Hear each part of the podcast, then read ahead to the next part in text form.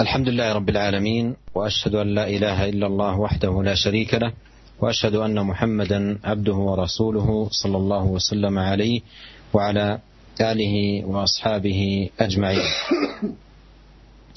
أما بعد لا نزال في باب التوبة من كتاب رياض الصالحين. أورد الإمام النووي رحمه الله تعالى حديث عبد الله بن كعب بن, بن مالك وكان قائد كعب رضي الله عنه من بنيه حين عمي قال سمعت كعب بن مالك رضي الله عنه يحدث بحديثه حين تخلف عن رسول الله صلى الله عليه وسلم في غزوة تبوك. قال كعب لم أتخلف عن رسول الله صلى الله عليه وسلم في غزوة غزاها قط إلا في غزوة تبوك. غير أني قد تخلفت في غزوة بدر ولم يعاتب أحد تخلف ولم يعاتب أحد تخلف عنه. إنما خرج رسول الله صلى الله عليه وسلم والمسلمون يريدون عير قريش أي الإبل التي لقريش المحملة بالأرزاق والأطعمة حتى جمع الله تعالى بينهم وبين عدوهم على غير ميعاد. ولقد شهدت مع رسول الله صلى الله عليه وسلم ليلة العقبة حين تواثقنا على الإسلام. وما, أحب أن لي بها مشهد بدر وإن كانت بدر أذكر في الناس منها. وكان من خبري حين تخلفت عن رسول الله صلى الله عليه وسلم في غزوة تبوك أني لم أكن قط أقوى ولا أيسر مني حين تخلفت عنه في تلك الغزوة. والله ما جمعت قبلها راحلتين قط حتى جمعتهما في تلك الغزوة.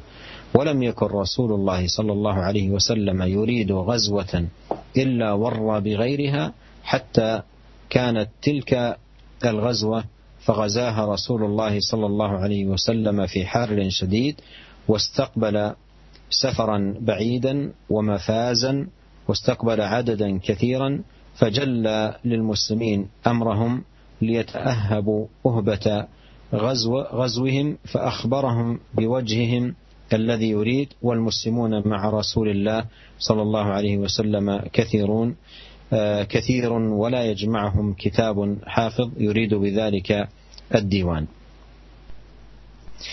بدأ كعب رضي الله عنه بهذه المقدمة التي ذكر فيها اعتذاره وأسفه على ما حصل منه وذكر أنه لم يكن يتخلف عن المشاركة في الغزوات مع النبي عليه الصلاة والسلام وأن الله أكرمه بأن شهد ليلة العقبة وعظم من شأن تلك الليلة و ذكر أنه حصل فيها التواثق على الإسلام. يقول وما أحب أن لي بها مشهد بدر لأنه لم يتيسر له أن يشهد بدرا. وأيضا يذكر أنه عندما تخلف عن غزوة تبوك لم يتخلف لأنه لا يجد ظهرا يركبه أو لكونه مثلا مريضا أو وإنما يقول لم أكن قط أقوى ولا أيسر. يعني عنده قوة بدنية وأيضا عنده يسر, يسر في الزاد والراحلة والركوب. فيقول كنت من حيث الصحة قوي ومن حيث توفر الراحلة أيضا الأمر متوفر حين تخلفت عن النبي عليه الصلاة والسلام. بل يذكر أنه يقول ما جمعت قبلها راحلتين قط. حتى جمعتهما في تلك الغزوة. ثم يذكر أمرا آخر رضي الله عنه أن العادة أن النبي عليه الصلاة والسلام يوري في غزواته لا يحدد الجهة حتى لا يعلم به العدو الذي هو يتجهز لقتاله إلا غزوة تبوك. غزوة تبوك حدد الوجهة وعينها وعرف أنه ذاهب إلى تبوك تحديدا. وهذا من ناحية من ناحية أخرى تبوك وافقت تلك الغزوة شدة حر والمسافة بعيدة جدا السفر طويل والعدد الذين سيلاقون من العدو عدد كبير فلذلك جل النبي صلى الله عليه وسلم للمسلمين أمرهم ليتأهبوا وهبه غزوهم فأخبرهم بالوجهه وحددها.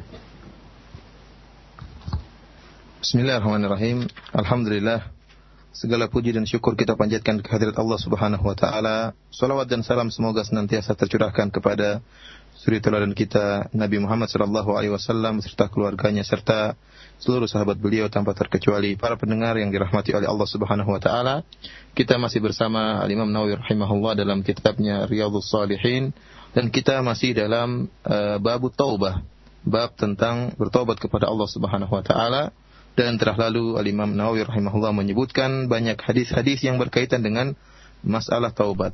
Dan pada kesempatan kali ini kita akan e, mendengarkan penjelasan dari sebuah hadis yang sangat panjang yang dibawakan oleh Imam Nawawi rahimahullah dalam bab taubat ini tentang kisah sahabat Ka'ab bin Malik radhiyallahu taala anhu yang e, tidak ikut serta dalam perang Tabuk ya. Hadis ini diriwayatkan dari Abdullah bin Ka'ab bin Malik dari Abdullah anak dari Ka'ab bin Malik. Dan dia uh, adalah yang menuntun Ka'ab bin Malik. Ya di antara anak-anak Ka'ab bin Malik ada yang bernama Abdullah. Dialah yang menuntun menuntun Ka'ab bin Malik ke mana-mana tatkala Ka'ab bin Malik telah buta. Dia berkata bahwasanya saya mendengar Ka'ab bin Malik radhiyallahu taala anhu yaitu ayahnya sendiri menceritakan tentang kisahnya. Tatkala Ka'ab bin Malik tidak ikut serta Rasulullah sallallahu alaihi wasallam dalam perang Tabuk. Ka'ab bin Malik radhiyallahu taala anhu berkata, "Aku tidak pernah ketinggalan dalam perang apa pun. Aku senantiasa menyertai Rasulullah sallallahu alaihi wasallam dalam seluruh peperangan, kecuali perang Tabuk.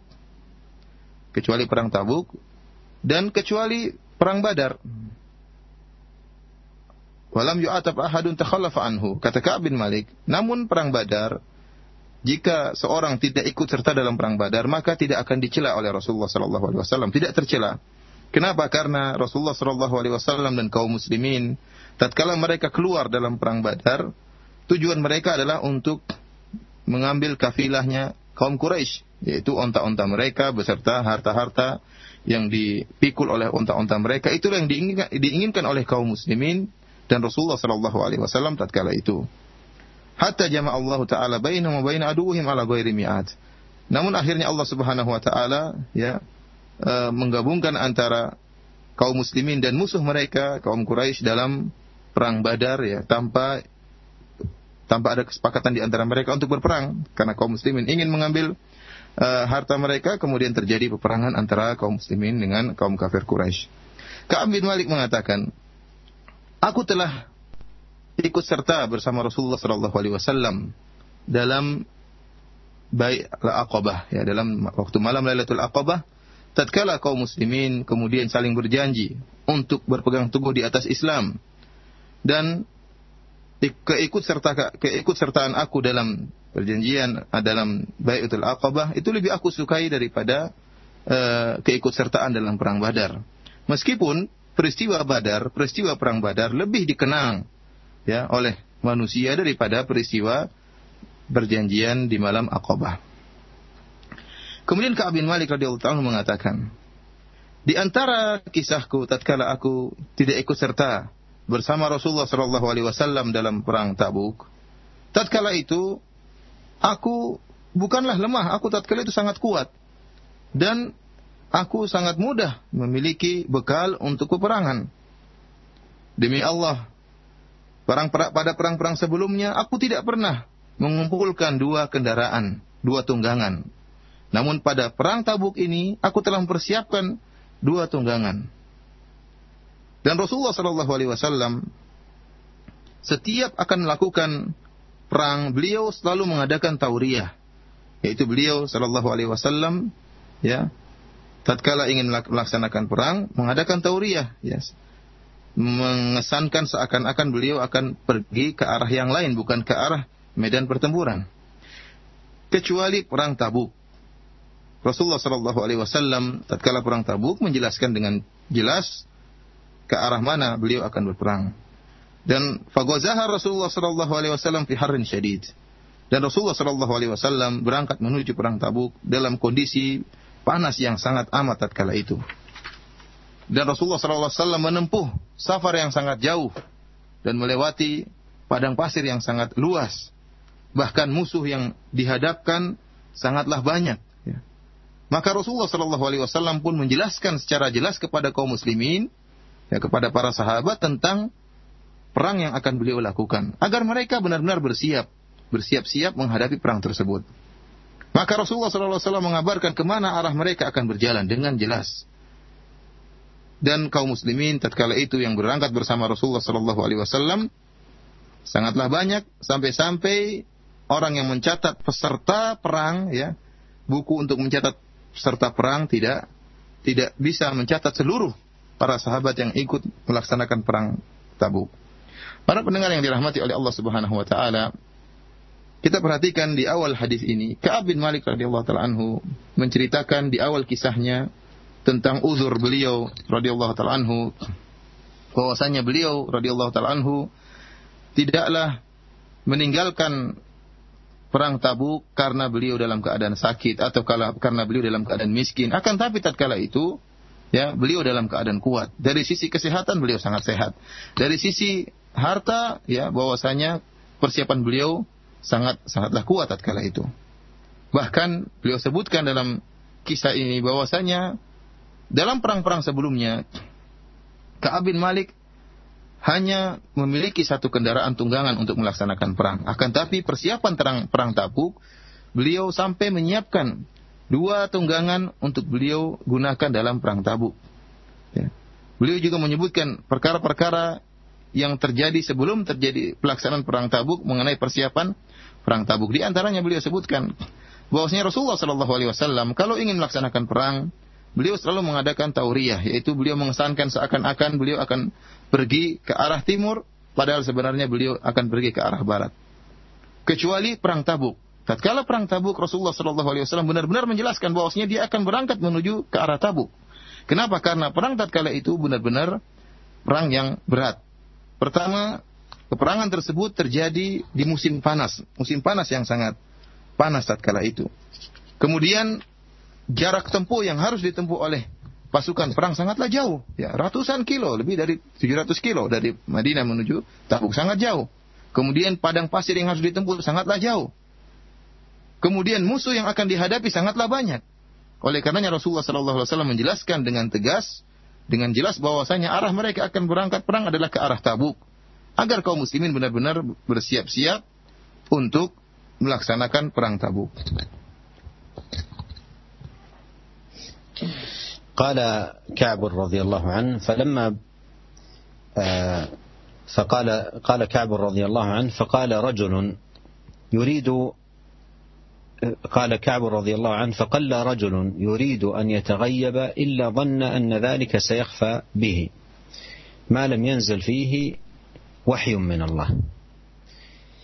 أي أنه لن يشعر به ولن يعلم به ما لم ينزل وحي من الله سبحانه وتعالى. قال وغزا رسول الله صلى الله عليه وسلم تلك الغزوة حين طابت الثمار والظلال فأنا إليها أصعر أي نفسي تميل إليها. في وقت طيب الثمار ولذة الظلال. فهذا أيضا من الأشياء التي يذكرها رضي الله عنه. قال فتجهز رسول الله صلى الله عليه وسلم والمسلمون معه. وطفقت أغدو لكي أتجهز معه فأرجع ولم أقضي شيئا. وأقول في نفسي أنا قادر على ذلك إذا أردت. فلم يزل يتمادى بي حتى استمر بالناس الجد فأصبح رسول الله صلى الله عليه وسلم غاديا والمسلمون معه ولم أقض من جهازي شيئا. ثم غدوت. فرجعت ولم أقض شيئا. فلم يزل يتمادى بي حتى أسرعوا وتفارط الغزو أي مضى في السير ولم يبقى منه أحد. فهممت أن أرتحل فأدركهم. فيا ليتني فعلت. ثم لم يقدر ذلك لي فطفقت إذا خرجت في الناس بعد خروج رسول الله صلى الله عليه وسلم يحزنني أنني لا أرى لي أسوة. إلا رجلا مغموسا عليه في النفاق أو رجلا ممن عذر الله من الضعفاء. ولم يذكرني رسول الله صلى الله عليه وسلم حتى بلغ تبوك فقال وهو جالس في القوم بتبوك ما فعل كعب بن مالك؟ فقده النبي عليه الصلاة والسلام ولم يراه فسأل عنه. فقال رجل من بني سلمة يا رسول الله حبسه برداه والنظر في عطفيه. أي حبسه آه، التزين واللباس وحبسه برداه والنظر في عطفيه. فقال له معاذ بن جبل بئس ما قلت والله يا رسول الله ما علمنا عليه إلا خيرا. فسكت رسول الله صلى الله عليه وسلم فبين هو على ذلك رأى رجلا مبيضا يزول به السراب يعني مقبلا من من بعيد يرى بياضه. فقال رسول الله صلى الله عليه وسلم كن أبا خيثمة. فإذا هو أبو خيثمة الأنصاري هو الذي تصدق بصاع التمر حين لمزه المنافقون.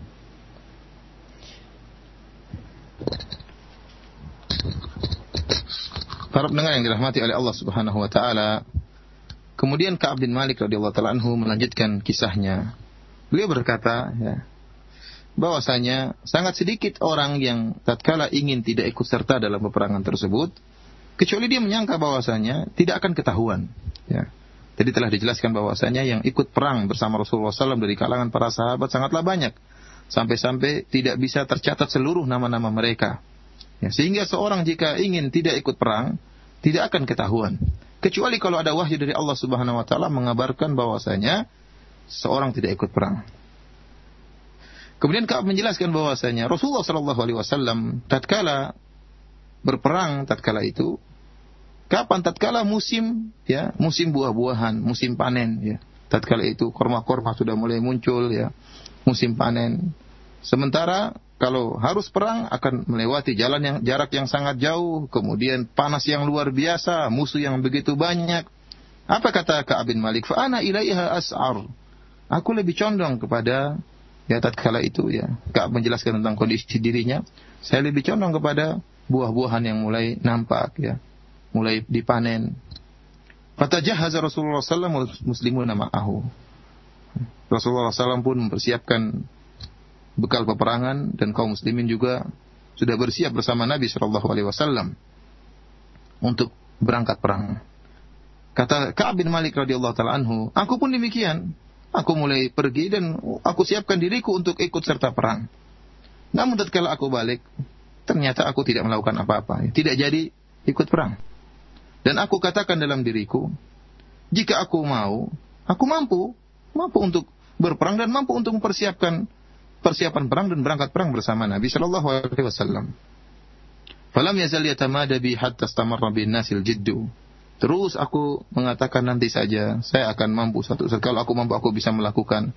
Akhirnya para sahabat yang lain ya manusia seluruhnya sudah bersungguh-sungguh akan perang, angkat berangkat perang. Maka Rasulullah Shallallahu Alaihi Wasallam pun bersama kaum muslimin pun berangkat menuju medan peperangan. Padahal aku tatkala itu belum mempersiapkan perbekalan perangku. Kemudian aku pun pergi. Tatkala aku balik ke rumah, ya, aku belum mempersiapkan sesuatu pula. Dan terus Aku menunda-nunda persiapan perangku, aku tunda terus persiapan perangku sampai akhirnya kaum muslimin dan Rasulullah Shallallahu alaihi wasallam sudah berjalan beranjak pergi menuju medan pertempuran. Fahamamtu an artahila faudrikahum. Tatkala Ka'ab bin Malik radhiyallahu taala anhu mengetahui bahwasanya Rasulullah SAW dan para sahabat sudah berjalan menuju Tabuk, maka timbullah dalam dirinya azam ingin untuk menyusul mereka. Faya laitani fa'altu. Dia mengatakan kalau seandainya saya lakukan tatkala itu. Akan tapi Allah Subhanahu wa taala tidak mentakdirkan hal itu. Ka'ab bin Malik tetap saja akhirnya tidak berangkat menuju peperangan dan juga tidak menyusul Rasulullah dan para sahabat yang sudah berangkat menuju Tabuk. Akhirnya aku pun keluar melihat kondisi kaum muslimin di luar bagaimana kondisi kota Madinah tatkala itu. Ternyata kata Ka'ab bin Malik, ya, radhiyallahu taala anhu, "Fatafiktu idza kharajtu fi nasi ba'da khuruji Rasulullah sallallahu alaihi wasallam yahzuruni anni la ara uswatan illa rajulan makmusan alaihi fin nifaq aw rajulan mimman adzara Allah taala min ad-du'afa." Tatkala saya keluar saya melihat tidak ada seorang pun yang tertinggal, seluruh sahabat semuanya pergi ikut perang. Ini yang membuat aku sedih kata Ka'ab bin Malik. Aku hanya ketemu dengan orang yang munafik, yang benar-benar tenggelam dalam kemunafikan, yang tidak ikut perang, atau orang yang memang punya udur yang sakit, atau orang lemah yang memang tidak bisa ikut perang. Ini membuat aku sedih. Ya, tidak ada seorang yang sehat walafiat kemudian tidak ikut perang, seluruhnya ikut perang. Kemudian Rasulullah Shallallahu Alaihi Wasallam tidak menyebutku sampai tatkala Rasulullah tidak mengingatku sampai Rasulullah SAW kemudian tiba di di Tabuk. Tatkala Rasulullah SAW berduduk di di Tabuk, sudah sampai di Tabuk, kemudian Rasulullah SAW ingat tentang Ka'ab bin Malik. Dan Rasulullah SAW bertanya, apa yang telah dilakukan oleh Ka'ab bin Malik? Kenapa tidak ikut kita dalam peperangan Tabuk ini? Maka ada salah seorang dari Bani Salimah mengatakan, Wahai Rasulullah, sungguhnya Ka'ab bin Malik telah di, dihambat oleh dua selendangnya yang indah dan sibuk melihat selendang-selendangnya itu. Ya, artinya uh, orang ini ingin mengatakan bahwasanya uh, Ka'ab bin Malik tidak ikut perang dalam perang Tabuk karena sibuk berhias dengan bajunya, pakaian yang indah, sibuk melihat pakaian yang indah. Maka tatkala itu sahabat Mu'ad bin Jabal radhiyallahu taala anhu membela Ka'ab bin Malik dan dia, dan dia mengatakan, "Bi sama kult." Sungguh, sungguh buruk apa yang kau katakan. Ya Rasulullah, ya. Saya tidak mengetahui dari Ka'ab bin Malik kecuali kebaikan. Maka diamlah Rasulullah sallallahu alaihi wasallam. Tatkala Rasulullah SAW terdiam, tiba-tiba Rasulullah SAW melihat dari arah kejauhan, ada seorang yang datang memakai pakaian putih, memakai baju putih. Kemudian melewati Fata Morgana, kemudian mulailah nampak dari kejauhan seperti melewati Fata Morgana, agak dibingungkan siapa orang tersebut. Kata Rasulullah SAW, kun Abu Khaisamah. Orang itu mungkin Abu Khaisamah. Tiba-tiba benarlah ternyata orang yang dilihat dari arah jauh tersebut pakai pakaian putih dialah Abu Khaisamah Al-Ansari radhiyallahu taala anhu dan dialah yang pernah bersedekah dengan satu sok korma tatkala orang-orang munafik mengejek mengejek beliau.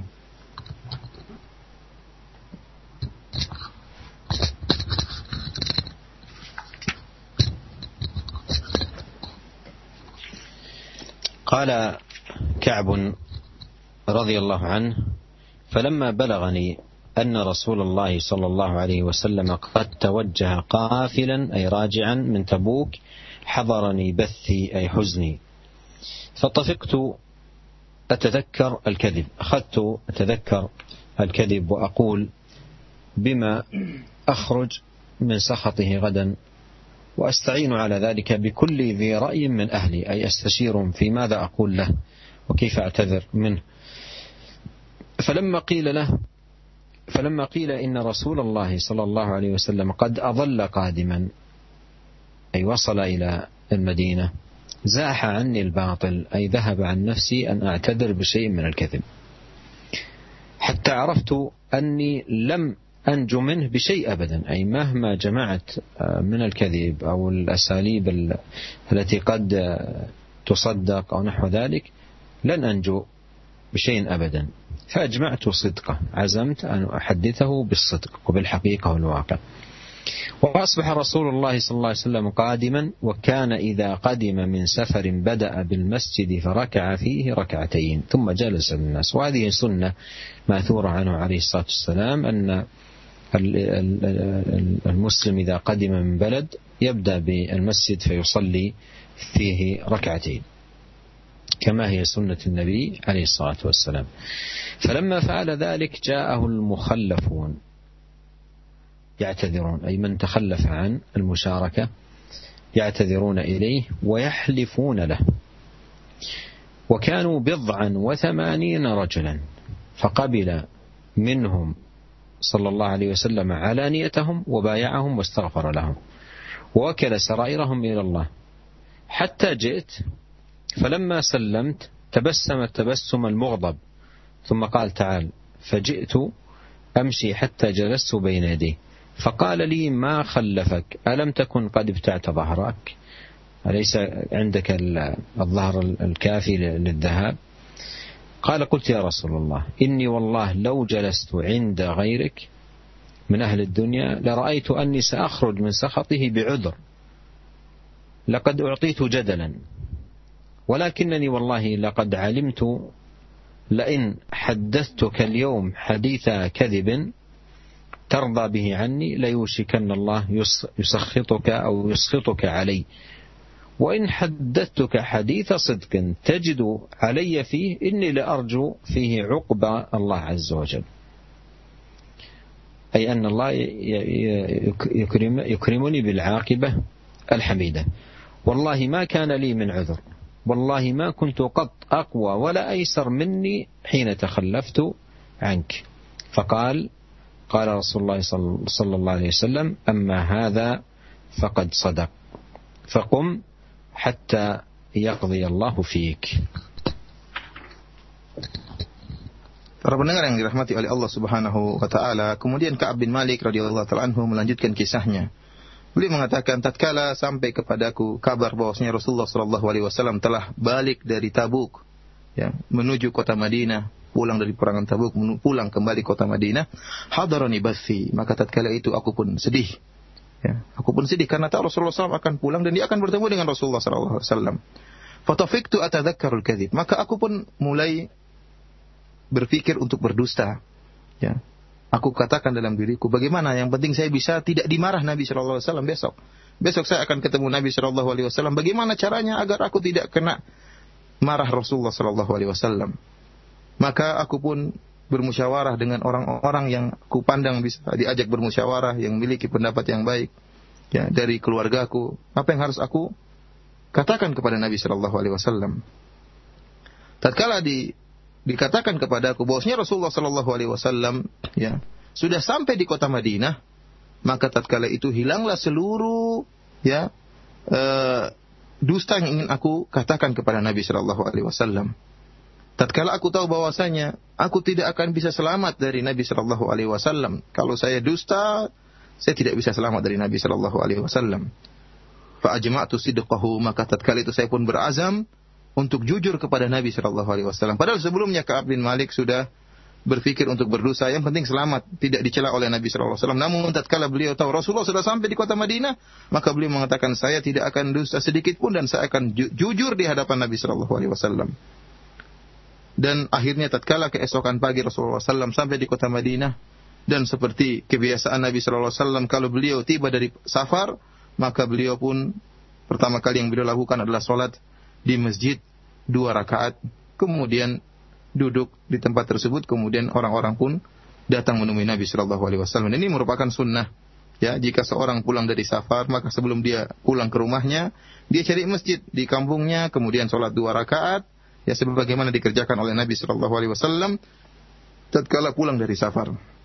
Tatkala Nabi Shallallahu Alaihi Wasallam kemudian duduk di masjid, orang-orang mulai berdatangan. Ya, tatkala itu datanglah orang-orang yang tidak ikut serta perang Tabuk.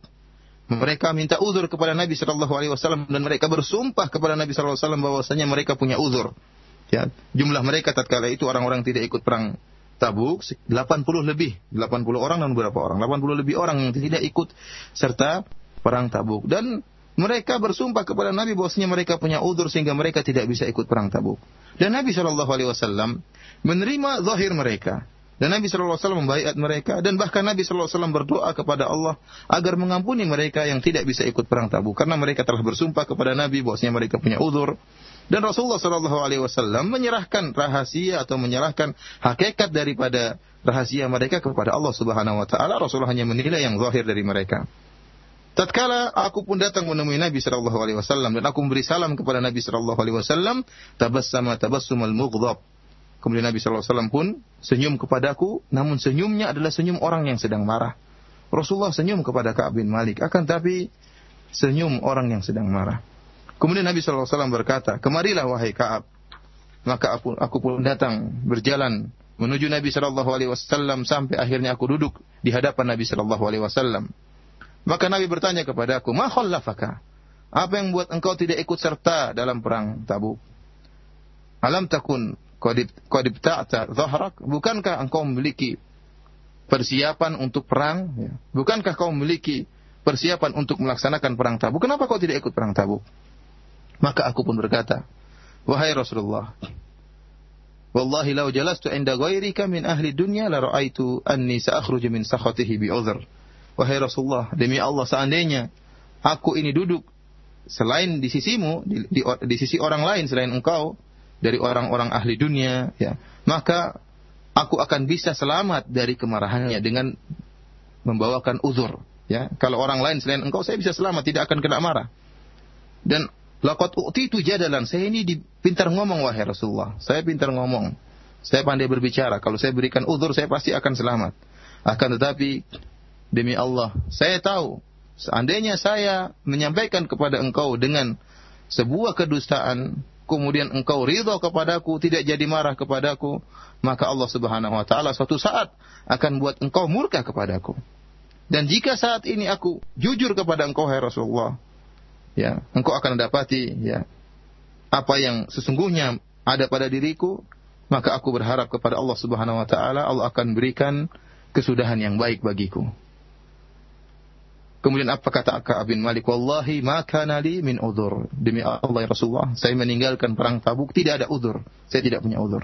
Demi Allah, wahai Rasulullah, saya tidak pernah dalam keadaan kondisi paling sehat kecuali tatkala datang perang perang Tabuk. Tatkala engkau akan berangkat melaksanakan perang Tabuk. Tatkala itu saya dalam keadaan sangat sehat. Dan tatkala itu saya sangat memiliki harta yang sangat banyak. Ya, sebagaimana dijelaskan tadi sampai-sampai ke Abdul Malik biasanya hanya memiliki satu tunggangan, akan tapi tatkala akan terjadi perang Tabuk, Ka'ab bin Malik menyiapkan dua tunggangan. Tatkala aku tidak ikut serta perang Tabuk, justru aku dalam keadaan sangat sehat dan sangat memiliki harta yang luas, yang banyak.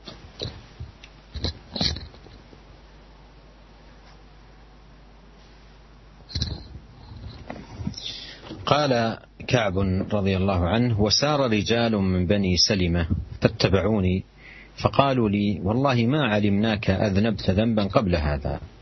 لقد عجزت في ألا تكون اعتذرت إلى رسول الله صلى الله عليه وسلم بما اعتذر إليه المخلفون. فقد كان كافيك ذنبك فقد كان كافيك ذنبك استغفار رسول الله صلى الله عليه وسلم لك. قال فوالله ما زالوا يؤنبونني حتى أردت أن أرجع إلى رسول الله صلى الله عليه وسلم فأكذب نفسي. ثم قلت لهم هل لقي هذا معي من أحد؟ قالوا نعم لقيه معك رجلان. قال مثل ما قلت. وقيل لهم مثل ما قيل لك. قال قلت من هما؟ قالوا مرارة ابن ربيعة العمري وهلال بن أمية الواقفي. قال فذكروا لي رجلين صالحين قد شهدا بدرا فيهما أسوة. قال فمضيت حين ذكروهما لي. ونهى رسول الله صلى الله عليه وسلم عن كلامنا أيها الثلاثة من بين من تخلف عنه. قال فاجتنبنا الناس أو قال تغيروا لنا حتى تنكرت لي في نفسي الأرض. فما هي بالأرض التي أعرف؟ فلبثنا على ذلك خمسين ليلة. فأما صاحباي فاستكانا وقعدا في بيوتهما يبكيان. وأما أنا فكنت أشب القوم وأجلدهم. فكنت أخرج فأشهد الصلاة مع المسلمين وأطوف في الأسواق ولا يكلمني أحد. وآتي رسول الله صلى الله عليه وسلم فأسلم عليه وهو في مجلسه بعد الصلاة فأقول في نفسي هل حرك شفتيه برد السلام أم لا؟ ثم أصلي قريبا منه وأسارقه النظر فإذا أقبلت على صلاتي نظر إلي وإذا التفت نحوه أعرض عني حتى إذا طال ذلك علي من جفوة المسلمين مشيت حتى تسورت جدار حائط أبي قتادة وهو ابن عمي وأحب الناس إلي فسلمت عليه فوالله ما رد علي السلام. فقلت له يا أبا قتادة أنشدك بالله هل تعلمني؟ أحب الله ورسوله صلى الله عليه وسلم فسكت. فعدت فناشدته فسكت فعدت فناشدته فقال الله ورسوله أعلم. ففاضت عيناي وتوليت حتى تسورت الجدار فبينما أنا أمشي في سوق المدينة إذا نبطي من نب من نبط أهل الشام ممن قدم بالطعام يبيعه بالمدينة. والمعنى نبطي أي فلاح آه، من أهل الشام ممن قدم بالطعام يبيعه بالمدينة. يقول من يدل على كعب بن مالك؟ فطفق الناس يشيرون إلي له إلي حتى جاءني فدفع إلي كتابا من ملك غسان وكنت كاتبا فقرأت فإذا في أما بعد فإنه قد بلغنا أن صاحبك قد جفاك ولم يجعلك الله بدار هوان ولا مضيعة فالحق بنا نواسك فقلت حين قرأتها وهذه أيضا من البلاء. فتيممت بها التنور فسجرتها أي ذهبت بهذه الورقة وضعتها في التنور وأحرقتها. حتى إذا مضت أربعون من الخمسين واستلبث الوحي إذا رسول رسول الله صلى الله عليه وسلم يأتيني فقال إن إن رسول الله صلى الله عليه وسلم يأمرك أن تعتزل امرأتك. فقلت أطلقها أم ماذا أفعل قال لا بل اعتزلها فلا تقربنها وأرسل إلى صاحب صاحبي بمثل ذلك Para pendengar yang dirahmati oleh Allah Subhanahu wa taala, eh, kemudian Ka'ab bin Malik radhiyallahu taala anhu melanjutkan kisahnya. Tatkala Ka'ab bin Malik radhiyallahu taala anhu akhirnya jujur di hadapan Nabi sallallahu alaihi wasallam menjelaskan bahwasanya Beliau tatkala tidak ikut serta perang Tabuk karena tidak ada udur sama sekali. Bahkan beliau dalam keadaan sangat kuat tatkala itu, bahkan diberi kemudahan harta oleh Allah Subhanahu wa taala tatkala itu dan tidak punya udur, maka apa kata Rasulullah sallallahu alaihi wasallam? Kata Nabi sallallahu alaihi wasallam, adapun Ka'ab bin Malik maka dia telah jujur. Maka berdirilah engkau wahai Ka'ab bin Malik, berdirilah engkau ini pergilah sampai Allah Subhanahu wa taala memutuskan perkaramu. Kemudian tatkala aku pergi, ya, datanglah beberapa orang dari Bani Salimah mereka mengikutiku. Mengikutiku. Kemudian mereka berkata kepada aku, Wahai Ka'ab bin Malik, kami tidak mengetahui engkau pernah melakukan dosa sedikit pun sebelum ini. Kau tidak pernah salah, tidak pernah melakukan dosa, kesalahan sebelum ini. Kenapa engkau tidak menyampaikan uzur sebagaimana orang-orang lain menyampaikan uzur kepada Nabi Shallallahu Alaihi Wasallam?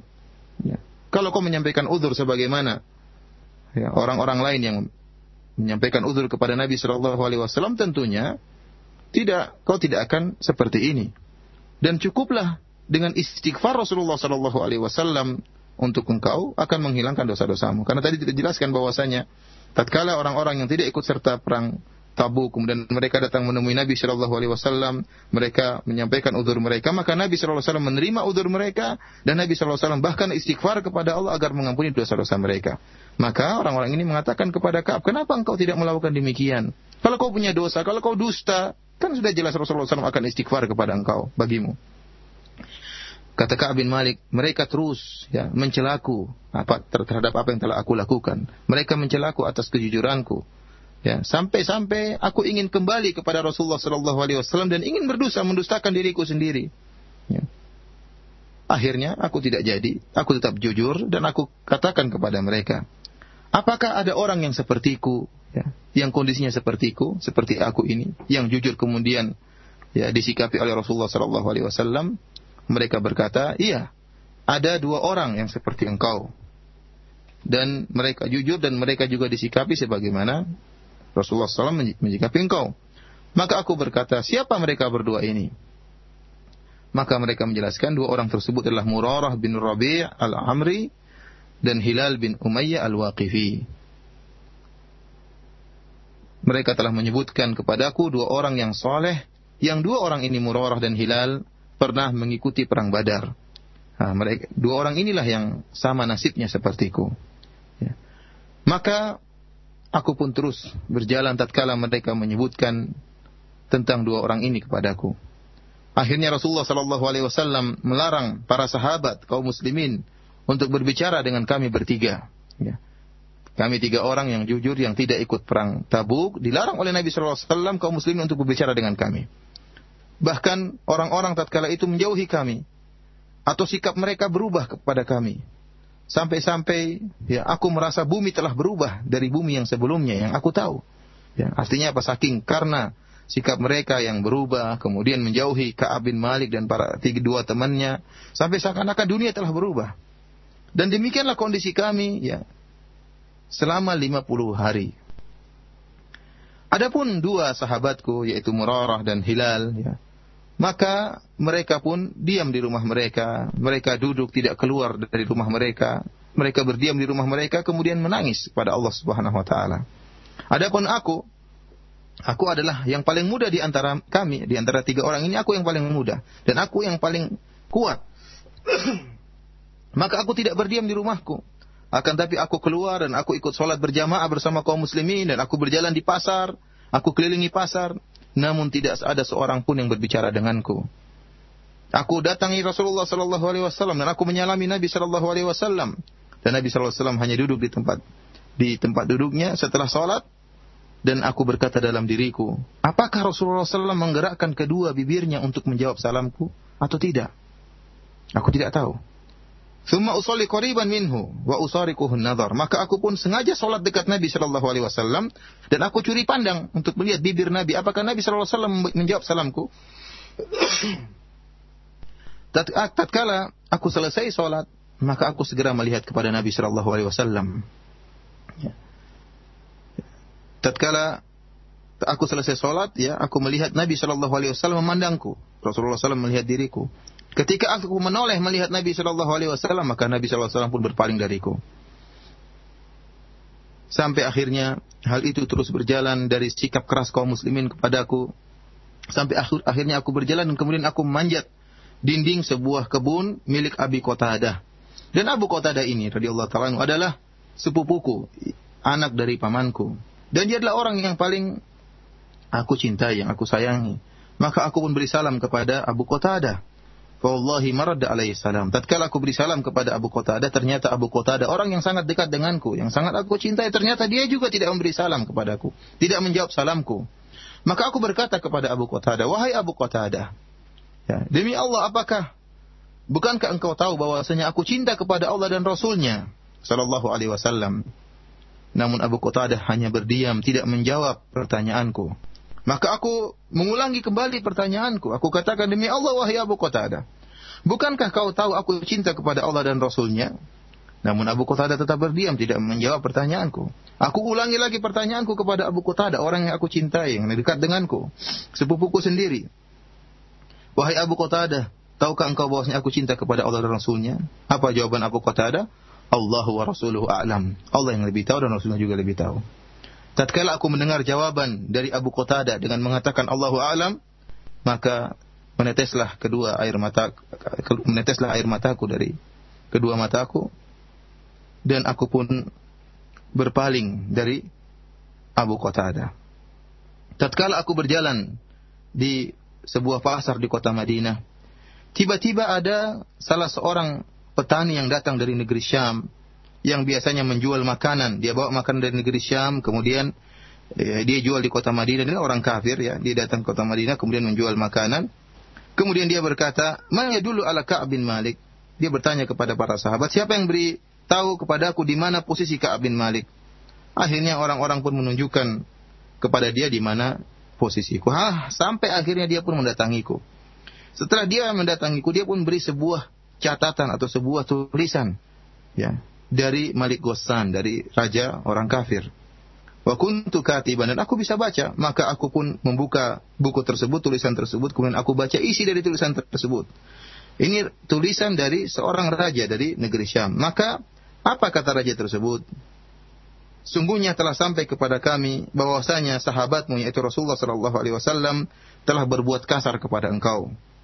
Dan Allah Subhanahu wa taala tidak akan membiarkan engkau di tanah yang hina, tanah yang tidak layak bagimu, maka datanglah kepada kami, kami akan memberi kebaikan kepada engkau. Ini tawaran dari Malik Ghassan. Kemudian aku berkata, tatkala aku baca tulisan ini, ini juga kata diriku, ini adalah juga ujian dari Allah Subhanahu wa taala. Maka aku pun segera menuju ke tanur, ya. Kemudian aku pun membakar tulisan tersebut. Sampai tatkala sudah lewat 40 hari, ya. Jadi kaum muslimin e, bersikap kasar kepada Ka'ab bin Malik 50 hari dan setelah lewat 40 hari dan wahyu tatkala itu terlambat turun, tiba-tiba datang seorang utusan dari Rasulullah sallallahu alaihi wasallam mendatangiku. Kemudian utusan Rasulullah itu mengatakan, "Wahai Ka'ab bin Malik, sungguhnya Rasulullah sallallahu alaihi wasallam memerintahkan engkau untuk menjauhi istrimu." Maka aku bertanya, apakah aku harus menceraikan istriku atau apa yang harus aku lakukan?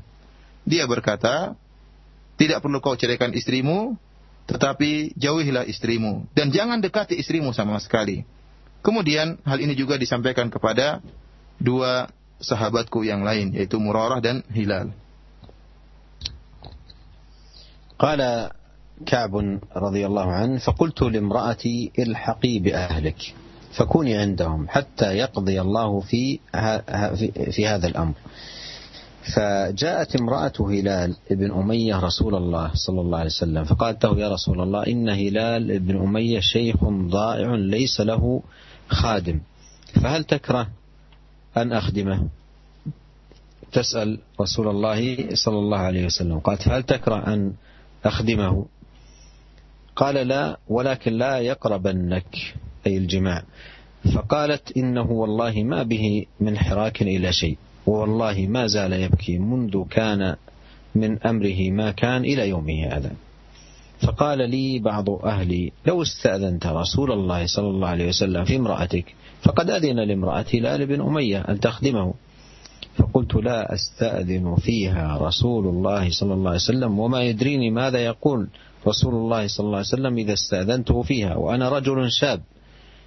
فلبث فلبثت بذلك عشر ليال فكمل لنا خمسون ليلة من حين نهانا نهى عن كلامنا صلوات الله وسلامه عليه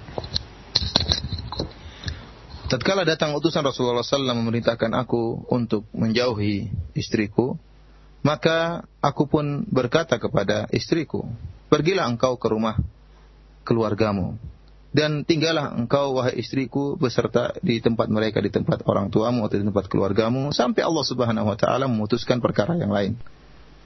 Maka datanglah istri daripada Hilal bin Umayyah. Kita tahu bahwasanya yang disikapi oleh Nabi SAW tiga orang yaitu Ka'ab bin Malik, Hilal bin Umayyah dan Murarah.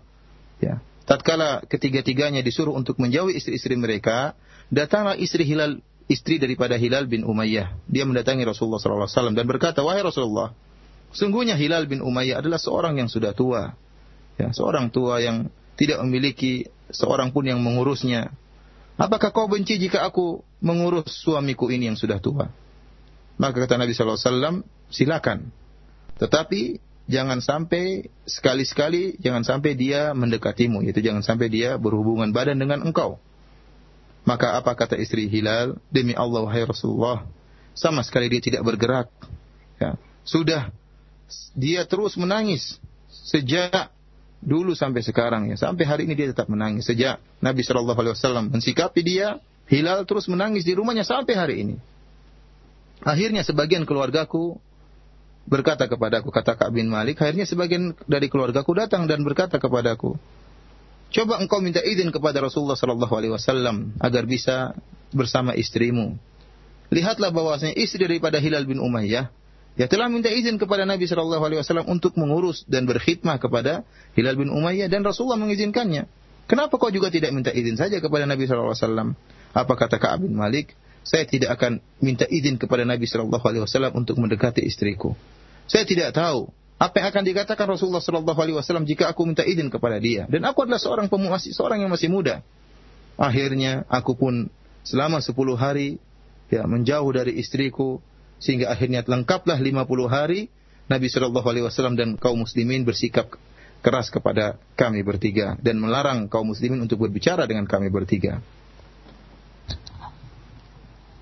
لا يزال لقصة كعب رضي الله عنه بقية في ذكر نزول توبة الله تبارك وتعالى عليه ولعلنا نكتفي بهذا القدر ونكمل ما بقي من قصته في الحلقة القادمة مع الإشارة إلى شيء من الفوائد المستفادة من هذه القصة العظيمة.